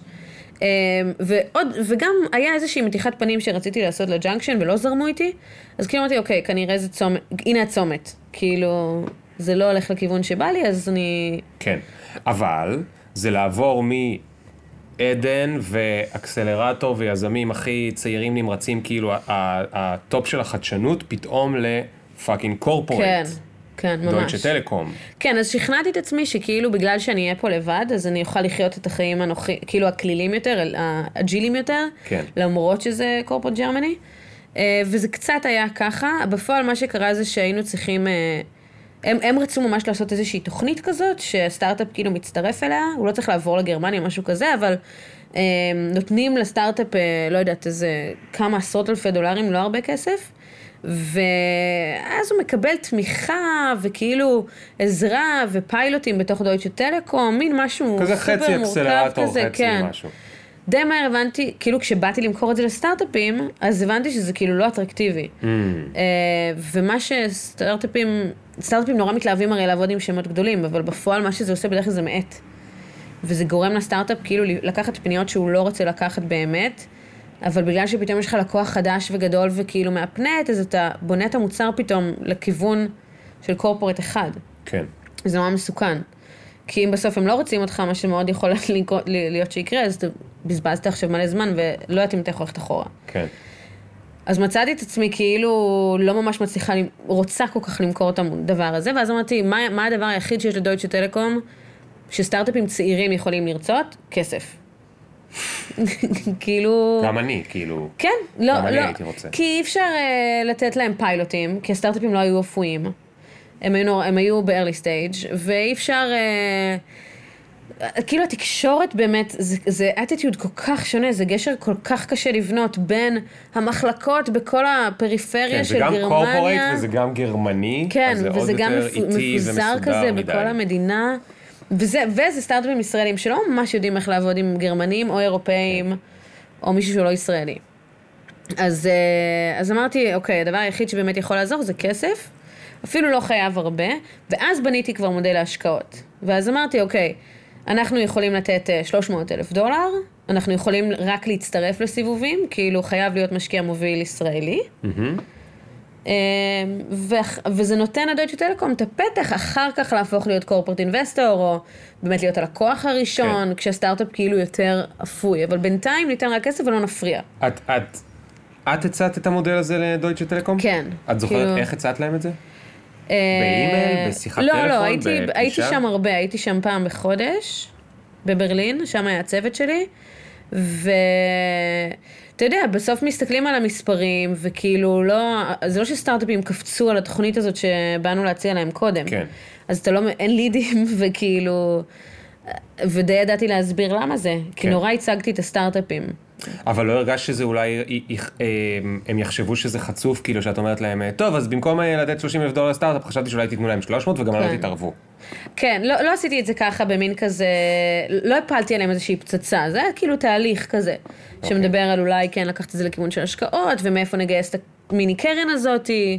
כאילו גייסתי לזה את הבוס שלי שהיה שם בגרמניה, ואז כבר היה לנו קצת יותר קל, זה לקח זמן, כאילו רק אחרי חצי שנה, בעצם מאז שנכנסתי, בעצם אה, החלטנו שזה מה שעושים, וכולה הייתי שם שנה וטיפה. כן. אז הצלחתי כאילו להוביל שתי השקעות בסטארט-אפים ישראלים, ו- וזהו. ואז כבר לא הייתי שם, כי באמת היה לי משעמם. כאילו, עבדתי אמנם ב-WeWork עם עצמי, במשרד קטן, וזה יכולתי לעשות מה שאני רוצה, אבל כאילו, אני אוהבת לראות את התוצאות, ואם עובדים מול קורפרט ג'רמני, אז לא משנה כמה קשה אתה עובד, אותו דבר יקרה. כאילו, זה לא מכפיל את עצמו אם אתה מכפיל את השעות ביום. ורואים את זה, יש הרבה אנשים שכזה, הם הנציג של כל מיני ארגונים גדולים בארץ, זה כאילו עבודה... זה נורא מגניב, זה נורא נוח, נגיד, אם הייתי עם שלושה ילדים, אבל הייתי רעבה מדי, כאילו, היה לי מלא... כן, ולא היה פלאפל. לא היה פלאפל, לא היה, כן, לא היה עגבניות.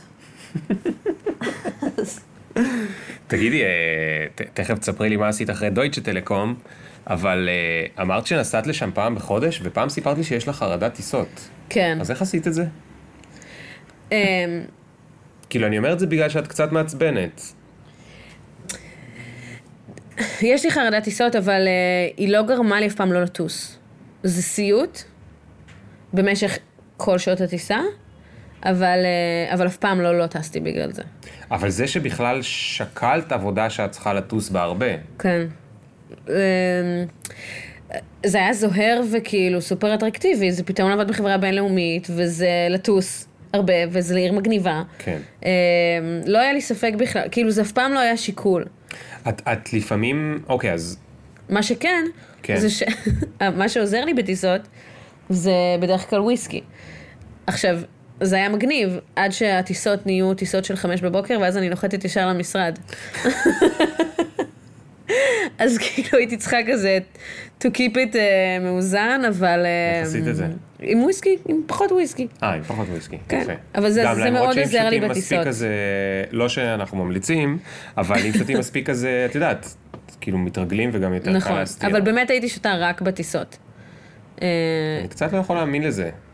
מה, וויסקי את מתכוונת. כן, כן. יין... אה, כן, אוקיי. יין אני שותה, אוקיי. אבל... אה, אבל וויסקי לא, אבל אני וויסקי לא. רק בטיסות. לא, לא, זה ממש היה הפגישה. כאילו התרופה שלי ל... כן. לא, כן, כאילו גם לא היה כזה כיף איתם, אז אה, אלכוהול תמיד היה מעורר את האווירה.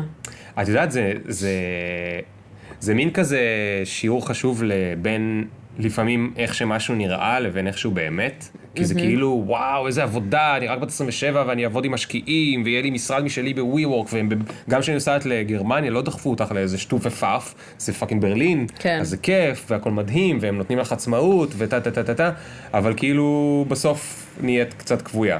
כן, ממש. אז מה עשית עם הכיוויון הזה? שבטח לא אומרים את זה ככה בעברית. אה, כיבוי. אה, גבייה.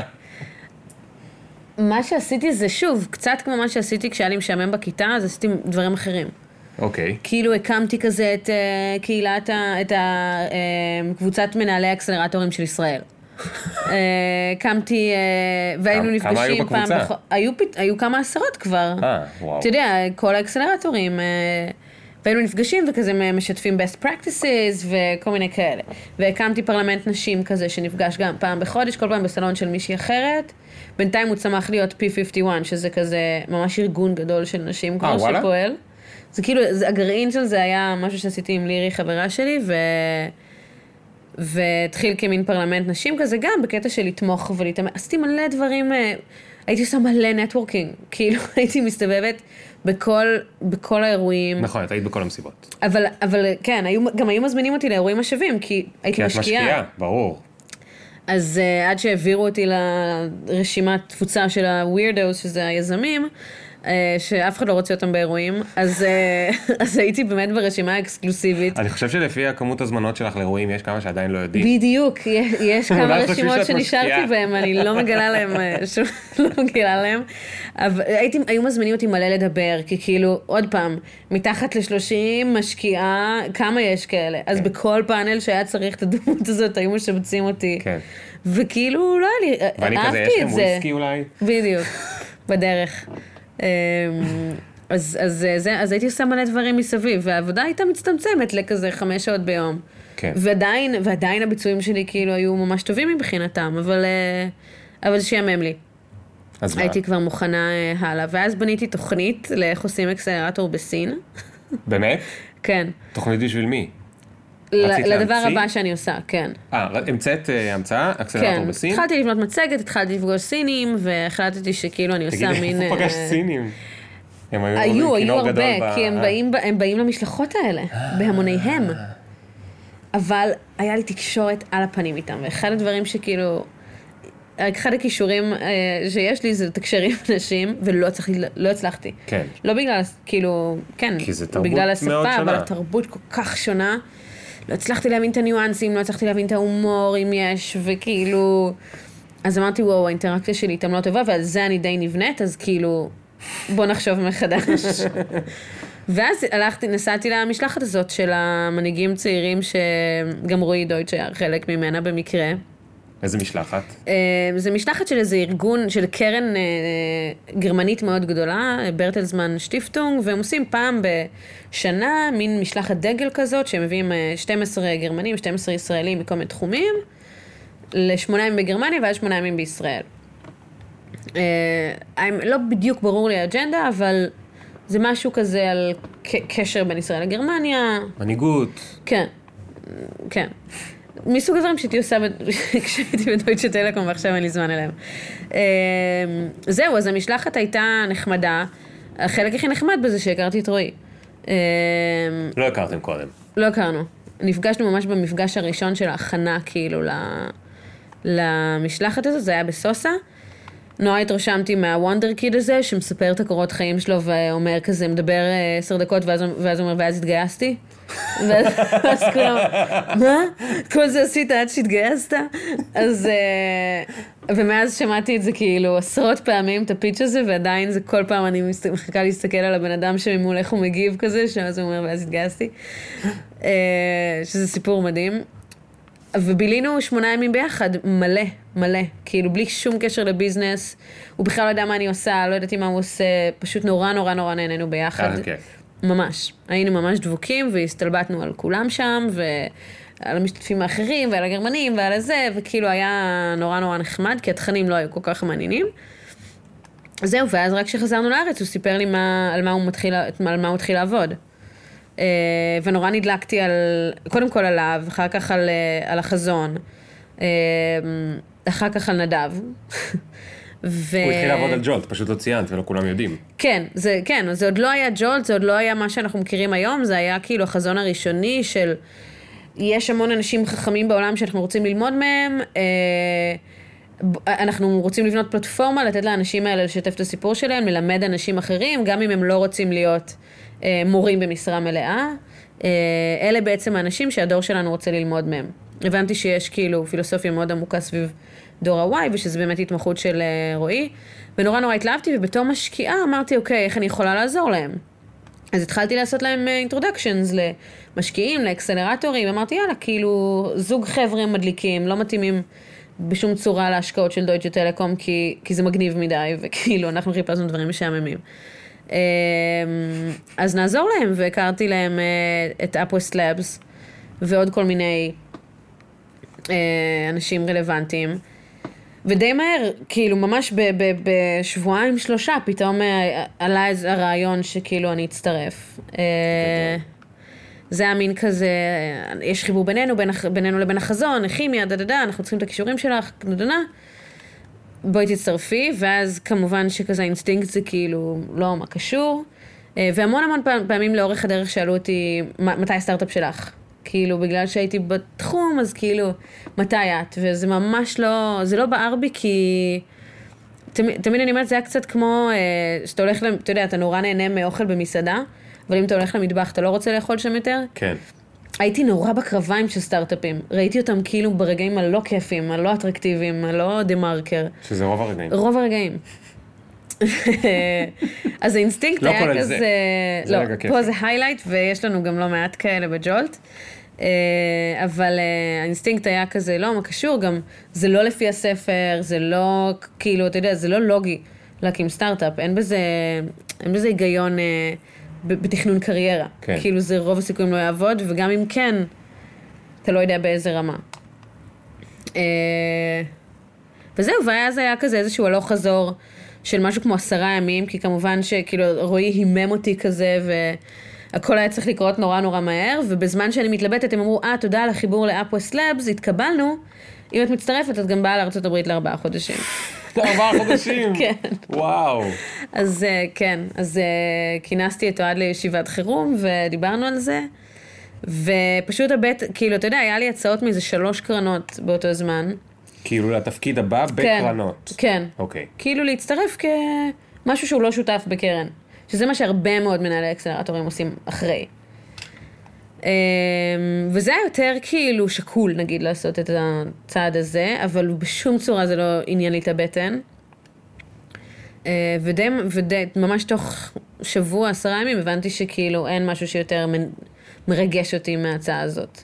את אומרת המון את הבטן, את הבטן, את הבטן. את...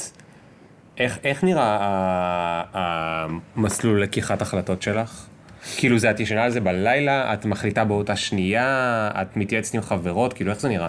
אמ, אני לא, לא לוקח לי הרבה זמן לקבל החלטות, חוץ מבתפריטים במסעדות, טוב, זה... אבל בדברים הרציניים של החיים, אה, אני די יודעת מה, כאילו, אה, אני די יודעת מה אני רוצה, אני לא חושבת שזה, כאילו בטן זה לא באמת בטן, בטן זה, יש שם הרבה שיקולים שהם גם אה, אה, קונקרטיים וכאילו אה, יותר מדעיים. מאשר אה, תחושה, תועלתניים. כן, כאילו לא, זה לא תחושה רנדומלית, זה, כן. זה לא במקרה, כאילו. לא, אבל את יודעת, יש כאלה שעושים אה, טבלת אה, בעד ונגד, כן. יש כאלה שמתייעצים עם 17 איש, יש כאלה שלוקח להם חצי שנה להחליט. אני חושבת שהתייעצתי, התייעצתי כנראה עם שניים שלושה אנשים שחשובים לי, אה, ואני מעריכה את הדעה שלהם, אבל גם לא יותר מדי, כאילו, בסוף, האם, האם אני יכולה לחזור אחורה במרכאות ולהתקבל לקרן? כן. כאילו זה לא שאני, לא הייתי בצומת של אה, את צריכה לבחור דבר אחד והשני מתבטל לך לכל החיים. ידעתי כן שבצומת הזאת זה כנראה הפעם היחידה בחיים שאני אוכל להקים בסטארט-אפ. אה, כי, כי אני בלי ילדים ואני בתקופה כזאת בחיים של המון אנרגיה, וזה, וזה מה שבסוף גרם לי גם להחליט. אמרתי, אני, אני בשונה מאולי גבר, לא הייתי רוצה, לא לא יכולה, לא רוצה לעשות את זה כשיש לי שני ילדים. אה, לא להתחיל משהו חדש. אז אה, זה היה שיקול מאוד משמעותי ברמת הצומת הספציפית לזמן הזה של החיים שלי. כן. אה, אז, אז זה באמת לא לקח המון זמן, וזה לא היה, אבל זה באמת לא הייתה החלטה מדעית, כי כאילו זה לא עושה שכל. אין בזה... כן. לא, וזה גם החלטה קצת קיצונית, כאילו, זה לא רק להצטרף, זה גם באמת, עכשיו ארבעה חודשים לנסוע לארה"ב עם שני החבר'ה האלה, אחד אני קצת מכירה, אחד אני קצת פחות מכירה, כן. זה נורא קיצוני. כן, אבל גם זה, כאילו, מה, יד- עליתי על המטוס ואמרתי, אני יכולה לחזור עוד שבועיים. נכון. כאילו... וגם יש לי וויסקי פה. נכון. זה גם טיסה ארוכה, אז אתה יודע. אבל, אה, א', כאילו, זה בדיוק הייתה, אני עליתי על המטוס ואמרתי, קחי בחשבון שאת חוזרת עוד שבועיים. כאילו את נשמעת מאוד חסרת פחד. זה נכון? אה, היית אומרת שאת ממש אמיצה, או שאת חושבת שאת פחדנית? וואו, זו שאלה מעולה, כי אני, יש לי מלא חרדות, הן לא קשורות פשוט לעול- לעולמות ה... לעולמות של קריירה. כאילו, הן קשורות לכזה חושך ורעמים, כאילו, כל מיני דברים, בטיסות, כאילו, כל מיני דברים שהם נורא כן. לא הגיוניים. כן. אה, אבל... אה, לא, אני לא חושבת שזה חסרת פחד, אני חושבת שזה ריאלי. כאילו, זה, שוב, יש U-turn בכל דבר כמעט היום בחיים, חוץ מבערך ילדים. כן. כאילו, נכון, שם אין יותר. שם אין U-turn, אבל באמת כמעט בכל דבר היום יש אאוטים, והם הרבה יותר לעיתים תקופות מאשר מה שהם היו פעם. אה, אז, אז, אז כל עוד ממשיכים לזוז קדימה, ותגידי, מה, מה אמרו. מסביבך? אוהד, ברור לי שהוא אה, תמך, הוא כל הזמן תומך. תראה, הוא, אבל... אה, הוא תמך, אבל זה ממש לא היה קל, אה, כי גם הארבעה חודשים האלה זה כאילו האתגר הגדול, אבל בפועל זה רק ההתחלה. נכון. זה כאילו ההנימון כזה. כן. זה... אם, אם, הם עובד, אם זה עובד, אחר כך צריך להקים חברה. כן, כאילו יש את החלק הקשה אחרי זה. כן. הזמן באפוס היה קייטנה, כאילו יחסית לחיים האמיתיים. כי גם עמי היינו מנותקים, אז יכולנו רק להתעסק בזה. כן. אחר כך אתה חוזר לפה, וכאילו צריך לבנות את הדבר הזה, ולגייס אליו כסף, ו... תכלס מהרגע שמגייסים כסף, ה-shit starts, כאילו. שיט hits the fan. ממש. אמ, ותגידי, מה אמרו על זה בשאר הסביבה? הורים, חברים, אה, קולגות? מה אמרו על זה אה, בדויטשה טלקום? בדויטש טלקום היו ממש מופתעים, כי התפטרתי בבום, בלי התראה מוקדמת. אה, אבל מצאתי להם מחליפה ממש טובה, שהיא עד היום כאילו שם. אז אה, זה כזה ממש ריכך את המכה. אני לא, זה עוד משהו, אני לא עושה הכרזות מאוד גדולות. כאילו לא הודעתי לעולם שאני בסטארט-אפ הרבה מאוד זמן. אה, ואני חושבת שזה גם מה שאולי נותן לי את האומץ הזה שדיברת עליו. כאילו, אני, קיבל, אני קיבלתי את ההחלטה, אני חושבת שזה נכון, אבל אני לא מודיעה לכל העולם, אני כאילו מת- מודיעה בקטן. כאילו, אני טסה כן. לתוכנית, אבל ההורים שלך יודעים שאת בג'ולט? עכשיו סיפרתי להם בכתבה האחרונה, אה, יפה. כאילו של הגיוס אה, A. אה, כן, המשפחה מאוד תמכה. מאוד. כאילו, אבא שלי הוא כזה... הוא לימד אותנו לקבל את ההחלטות נכון, כדי שבסוף הוא, הוא יתמוך בכל החלטה שנקבל. כאילו, מה שאת מחליטה אז סבבה, כי לדעתי הוא מרגיש שכאילו יש לנו את הכלים לקבל החלטות נכונות. כן. אמ, אבל גם זה הכל מין כזה, זה היה, אתה יודע, צעירים, מקבלים החלטות, אפשר לחזור בך, בוא, כאילו... כן, לא יודע, זה- אני מסכים, אבל זה כאילו בדיעבד את אומרת, אני לא יודע אם, כנראה שגם ככה היית שם, אבל לרוב האנשים זה לא נשמע כזה קליל. כן. הרבה החלטות כאלה. נכון. שוב, אז אני חושבת שזה בתחום, בתחום הזה של החיים, כאילו, אני מתייחסת אליו טיפה יותר, אולי בקלילות מאחרים. מה אה, כן הפחיד אותך בכל הסיפור? הדברים שאני לא יודעת, כאילו, להתמודד עם... אה, הרי אה, שוב, לפני רגע אמרת, אני הייתי שם בתוך המטבח וראיתי מה הולך. נכון, לא הייתי אף פעם נגיד בתוך החוזים, בתוך ההסכמים, לא הייתי בתוך הכלכלה של הסטארט-אפים, לא הכרתי אה, תקציבים ואתה יודע, אה, תוכניות עסקיות כאילו לעומק מדי. אה, זה תמיד מה שמפחיד אותי, מה שאני לא יודעת. כן.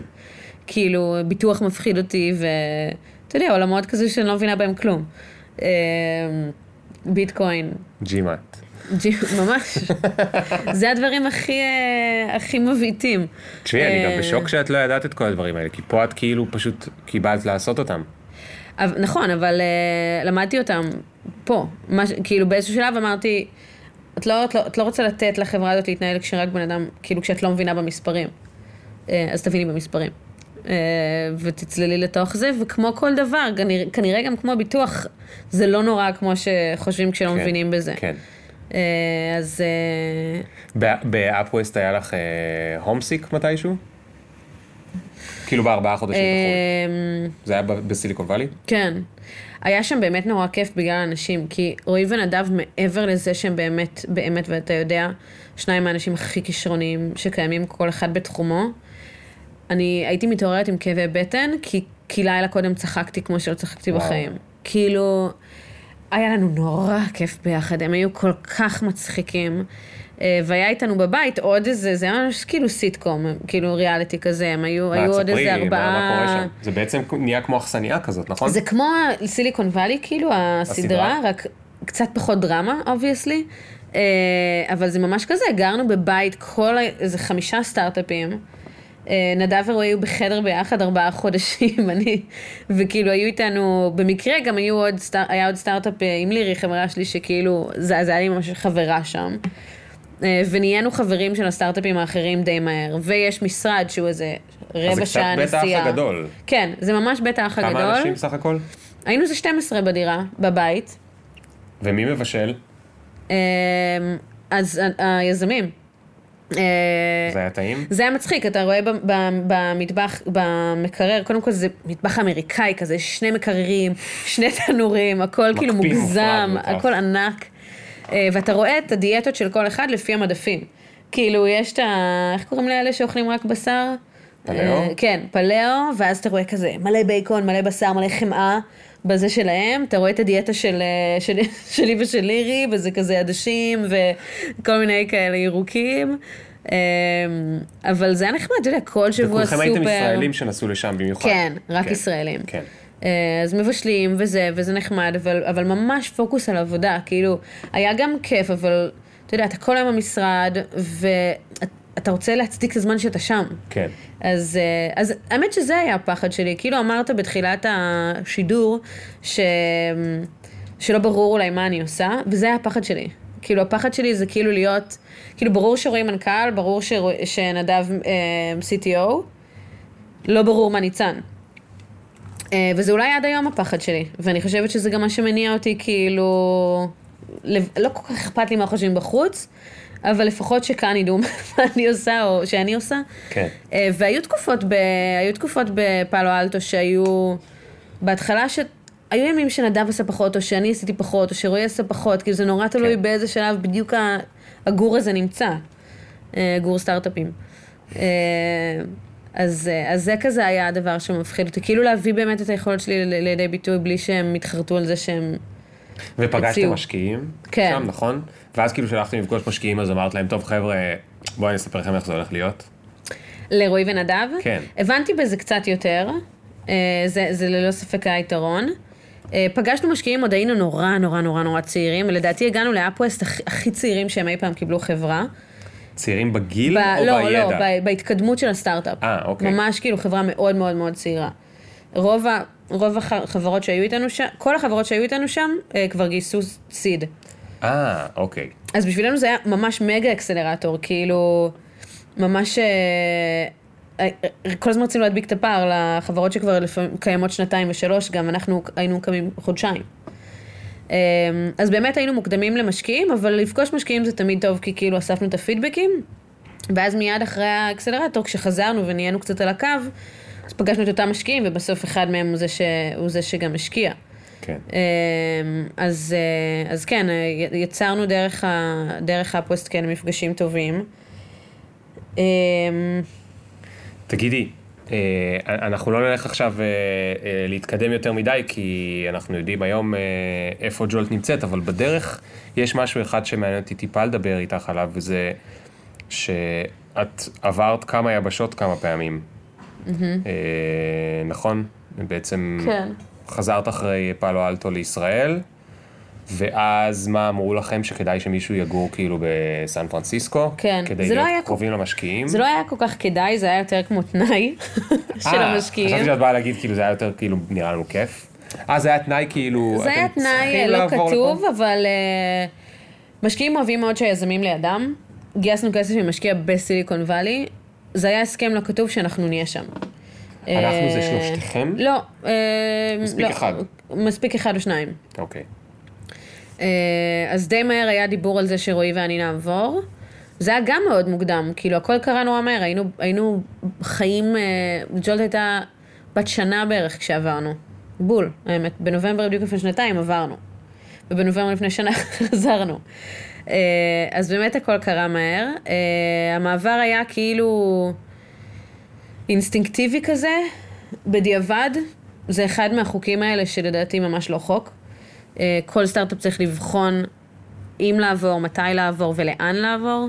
סיליקון וואלי זה לא תמיד התשובה. אה, זה מאוד מאוד מאוד תלוי בהרבה דברים, בעיקר איפה השוק. וזה עלה לנו, זה עלה לנו הרבה. כאילו, זה עלה לנו זמן וכסף ו... וגם בחיים האישיים, כאילו, זה נורא משפיע. כי לקחתם איתכם את כן, כי החצאים לקחנו, שלכם. בדיוק, לקחנו בני זוג, וכל מעבר כזה הוא אולי אה, נראה שוב אה, אטרקטיבי ומגניב וכאילו מפתה, אבל אה, בוא נגיד זה הרבה יותר נחמד לעשות רילוקיישן עם גוגל מאשר עם סטארט-אפ, כן, כאילו. כן, נכון, אה, נכון. אז גר תקופה שם, ואחר כך אה, ואז גרת עברנו בניו לניו יורק. כן, ואז חזרתם לישראל. נכון. ואז גרנו בסבלטים שלושה חודשים, ואז כאילו... אה, תגידי משהו, זה שווה את זה כל הסיפור הזה?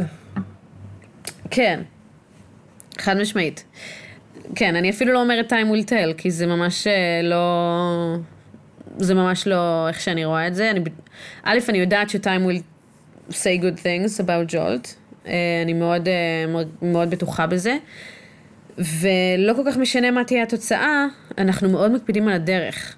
אה, גם באיזון שלנו דווקא כן עם החיים האישיים, אני חושבת שזה נכון לכל השותפים בג'ולט, ובגלל זה גם לצוות.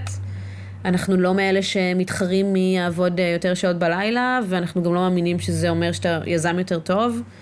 אה, אז תמיד מאוד חשוב לנו גם לשמור על החיים האישיים במקביל. במקרה גם אנחנו אוהבים אחד את השני, אז אנחנו גם חלק מהחיים האישיים אחד של השני, אבל... אבל לדעתי זה נורא חשוב להבין שזה דרך ארוכה ולא ספרינט, כי הרבה פעמים ראיתי יזמים מתעייפים מהר מדי ופשוט עוזבים או, או כושלים. ואת לפעמים יושבת כאן, וכאן בחברה זאת אומרת, ואני חייב לציין שהיום אנחנו לא מקליטים איפה שבדרך כלל, אלא בחרתי פשוט לקחת אותך לחדר פה ול... ל... אחלה סטודיו. ל... תודה.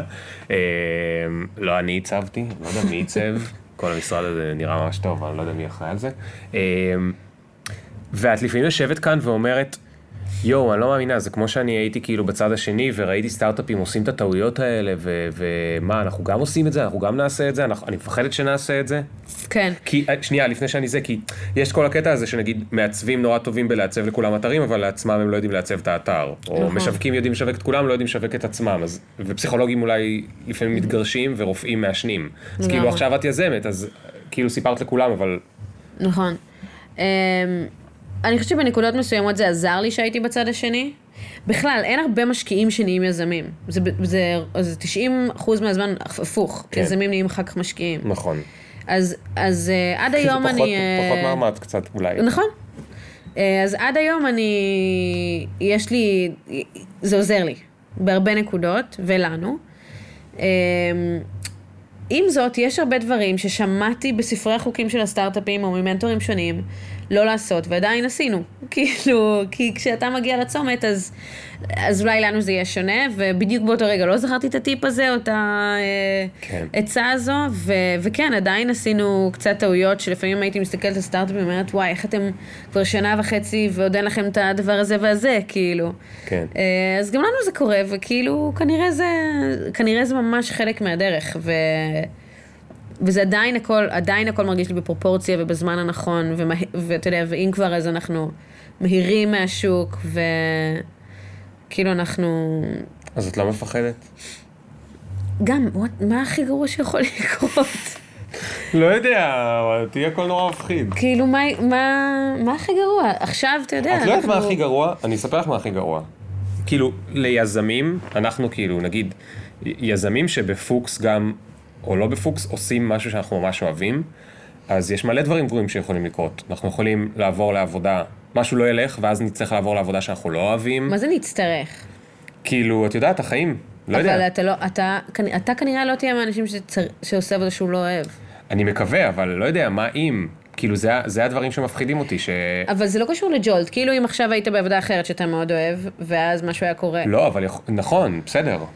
אני חושבת שהדבר הכי גרוע שיכול... אני לא חושב שזה פחד על ג'ולט, זה פחד כאילו על מצב שאתה כאילו, את יודעת, שדברים הולכים סבבה, טפו טפו טפו, עבדתי נורא קשה עד שזה, הגעתי למצב הזה, במלא דברים שאני פחות אהבתי או פחות התחברתי או לא הסתדרו בזה, ועכשיו כאילו הפחד זה לא רק אה, ילך, לא ילך, נסגור, לא נסגור, נפטר, לא נפטר, whatever, כאילו יקרו דברים לסטארט-אפ, זה גם ברמה האישית, כאילו מה יהיה עליי, או את יודעת מה פחד אחר, אולי תזדהי איתו יותר. מה אם, ייגמר לי הכוח ל, לריצה המטורפת הזאת? מפחיד אותך לפעמים? אמ, אני יכולה להבין את הפחד הזה, לא קרה לי כאן. הפחד או להבין... שנגמר לך? לא, אני יכולה להבין את הפחד שיגמר לי הכוח, כאילו, שתיגמר לי המוטיבציה. לא קרה לי עוד כאן, כי כאילו, מה, כי אני גם יודעת, במרום גילי, אני מבינה, אני יודעת מה מטעין אותי. אני יודעת כאילו לשאוב עוד מזה. כן. אה, ואני חושבת שזה משהו שכל אחד צריך לשאוף לדעת. מה, זאת אומרת, מה מה מזיז אותי? מה מזיז, מה נותן לי מוטיבציה. ואני, ואני מדברת על זה המון עם רועי, כאילו, אם אני צריכה לעמוד על במה ולספר על ג'ולט או על whatever, אחר כך אני פשוט הרבה יותר בטוב. או דווקא לצאת לכנסת, אתה יודע, אנחנו המון המון פה, אה, ואז אם אנחנו פתאום יוצאים לכנס, אז אנחנו מתכתבים, וואי, ממש, אה, אתם לא מבינים איזה פרגון יש בחוץ על ג'ולט, וככה וככה, ואיך אנשים עפים עלינו ושמעו עלינו פה, זה כאילו מרים, אז, אה, וזה יכול להיות גם, אתה יודע, לצאת לשמש, כאילו, צריך כן. להבין מה הדבר הזה ש, שמטעין, עד שהוא יפסיק להטעין, אבל, אבל עד אז אני, כן. כאילו, לא יודעת, זה לא... זה לא מפחיד אותי. הדבר היחיד שמפחיד זה אנשים, כאילו זה ההתעס... כאילו זה לאכזב את האנשים שלנו, זה הדבר היחיד שמפחיד אותי. כן. כאילו שהם סמכו עלינו והם איתנו, ואותם אכזבנו. גם לא את המשפחה או משהו כזה. טוב, יש לי מלא שאלות גם על זה, אבל אני כאילו לא יכול, כי זה יותר מדי אה, אה, מסובך. אנחנו נקבע בלי קשר. נקבע פ"ע. פ"ע או פ"א, אני לא יש לך זוכר מה זה. גישה ליומן שלי. כן, אני אסתכל לך ביומן. טוב, ניצן, תשמעי, אה, ממש ממש תודה שחלקת את כל הדברים האלה. הגענו לשאלה הזהה, ועכשיו אנחנו נגלה אם את שומעת את הפודקאסט או לא. סתם, אני דווקא יותר שמח מזה שלא שמעת. אה, בפודקאסטים שלי אני תמיד מספר שאני יותר אוהב את האורחים שלא שמעו את הפודקאסט, כן. אלה ששמעו, הם באים נורא מוכנים ואז הם פחות אותנטיים. אבל אלה ששמעו יודעים שיש שאלה זהה, ועכשיו הגענו אליה. אה, ודש למאזינה הקבועה, לא זוכר את שמה, שכתבה לי השבוע שנמאס לה מהשאלה הזהה, אז אולי שבוע הבא אני אפסיק, כנראה. שלא, תחבי עכשיו, זהו. זה הולך להיות אותה שאלה בדיוק.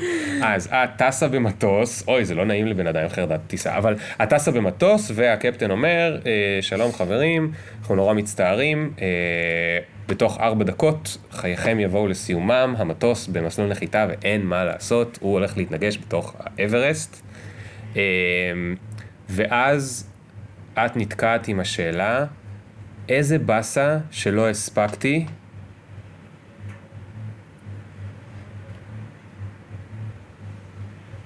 אמ, וואי, כל הזמן קופצות לי התשובות של שני אנשים אה, שכן ענו על זה בצורה ממש ממש יצירתית אצלך. אמ, איזה באסה שלא הספקתי. אמ, נראה לי, לא יודעת, נראה לי לראות, לראות יותר מקומות בעולם. להיות אה, שגרירה? להיות שגרירה. עוד וויסקי. לא, איזה באסה שלא, אתה יודע, איזה באסה שלא אכלתי יותר פלאפל. נכון. וואו. יש פה ג'ינה למטה, את רוצה ללכת? נראה לי נלך. יאללה, אה, תודה רבה רבה שתמיד, אה, כמו תמיד. הייתם פה. תודה לך, אה, ניצן. לי כיף, כי אני ממשיך אה, להיות איתך פה עוד הרבה.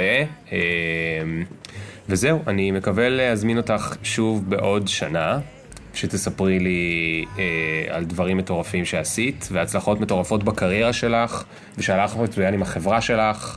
אה, זה ממש כיף. ולאיזון בין, אה, בין אימא ליזמת. והאיזון בין אה, אימא ליזמת, שזה יהיה נושא חדש, שאנחנו הצלחנו לא לדבר עליו בפרק בכוונה, אה, ורק עכשיו גילית לי בעצם שאת סבבה לדבר על זה, אז אה, אנחנו צריכים עכשיו עוד שעה בפרק, יכול להיות שאת הפרק השני נעשה מחר. אה, זהו, אז עד הפעם הבאה, ביי ביי.